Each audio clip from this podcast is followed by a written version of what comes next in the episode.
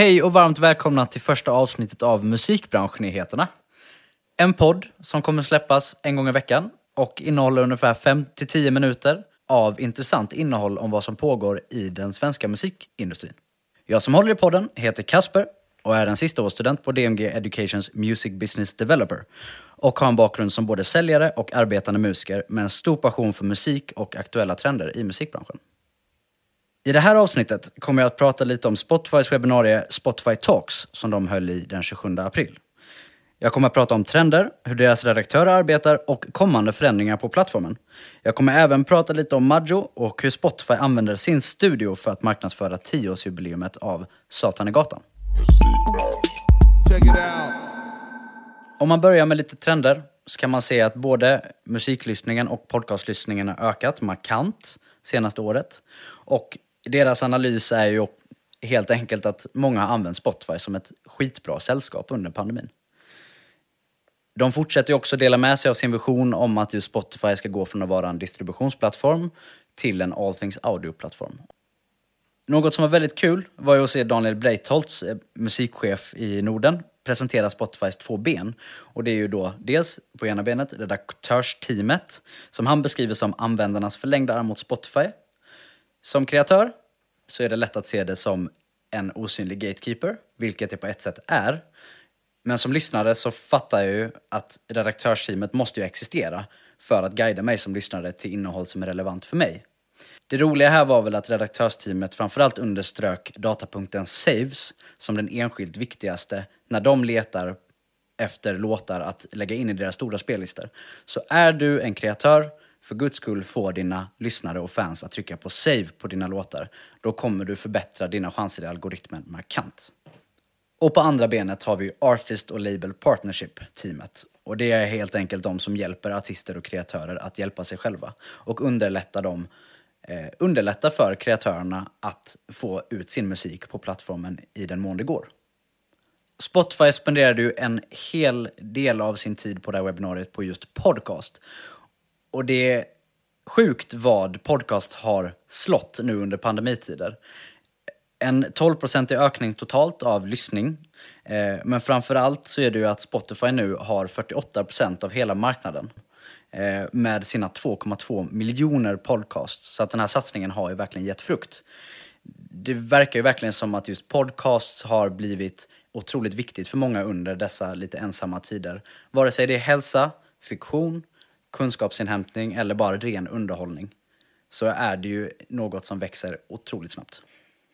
I samband med det här så släppte de otroligt mycket lyssningsdata och där visade det sig att 52% av alla som lyssnar på podcast gör det helst för att bli underhållna och 24% för att hålla sig uppdaterade. Och det båda ju gott som vi säger i Halmstad för mig som håller på med nyhetsuppläsning. Check it out. De fokuserade också på deras Spotify Originals, alltså Spotifys egna poddinnehåll kan man säga. Och där passade de på att visa lanseringen av Allsvenskan, som är en jättestor poddsatsning som Spotify kör, där de kommer ha en podd för varje allsvenskt lag och då en huvudpodd där de pratar om aktuella nyheter i Allsvenskan. Personligen tror jag ju att en anledning till att de satsar på just fotbollspoddar är för att det visar sig att fotbollspoddar är just det bästa stället för företag att marknadsföra sig på. Så Spotify någonstans skapar ju en egen plattform genom sitt eget originalinnehåll. Det är ju spännande. Det här är ju bara jag som spekulerar lite nu.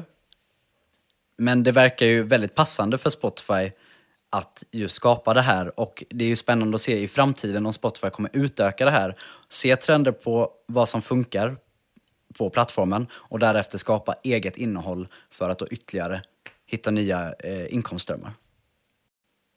Spotify pratade även om lite roliga nyheter och lanseringar som kommer till Sverige. Där den absolut mest spännande måste vara Radar, tycker jag. Funnits i många länder innan och nu kommer det äntligen till oss svenskar. Och det är, kan man säga, ännu ett Spotify-kurerat fönster i appen.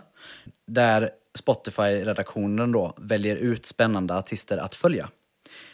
De introducerar då de aktuella artisterna nu och det är bland annat Sam Esse och Lova som kommer vara eh, en- del av den första lanseringen. Och Sam Esse är en eh, klar favorit från min sida. En ung svensk 20-åring som jag har lyssnat på sedan 2020 ungefär. Och sjukt kul att se att Spotify ger honom den recognition han förtjänar. För jag tror att han kommer bli gigantisk i Sverige. Och utomlands. De passade också på att prata om det nya annonsverktyget SOI som är riktat till just annonsörer på plattformen. Och det är helt enkelt ett verktyg som ska underlätta för annonsörerna under sin marknadsföring att få väldigt klar data på vad det är de får för sina pengar. Var syns innehållet? Eh, man skulle kunna kalla SAI ett, ett insight-verktyg för annonsörer.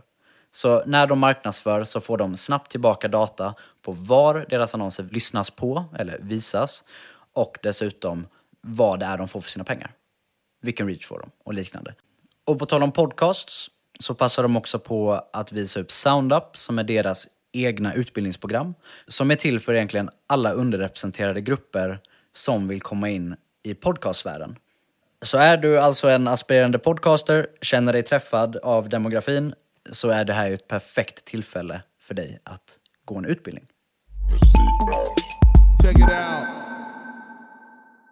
Och avslutningsvis lite Majo.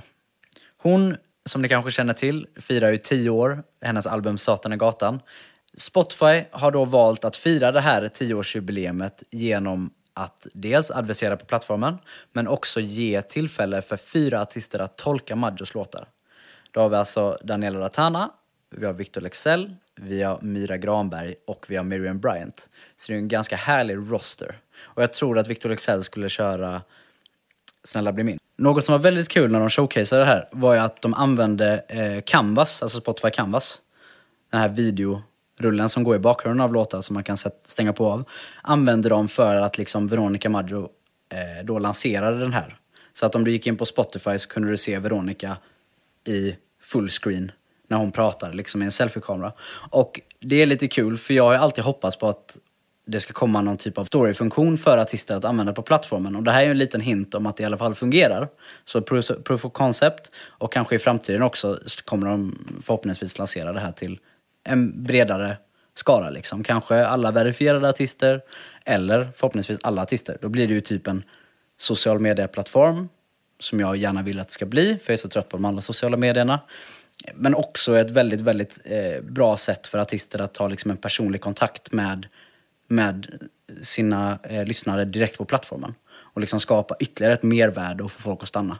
Känns ju som en väldigt logisk framtidsvision för Spotify. Men det var allting som jag tyckte var relevant.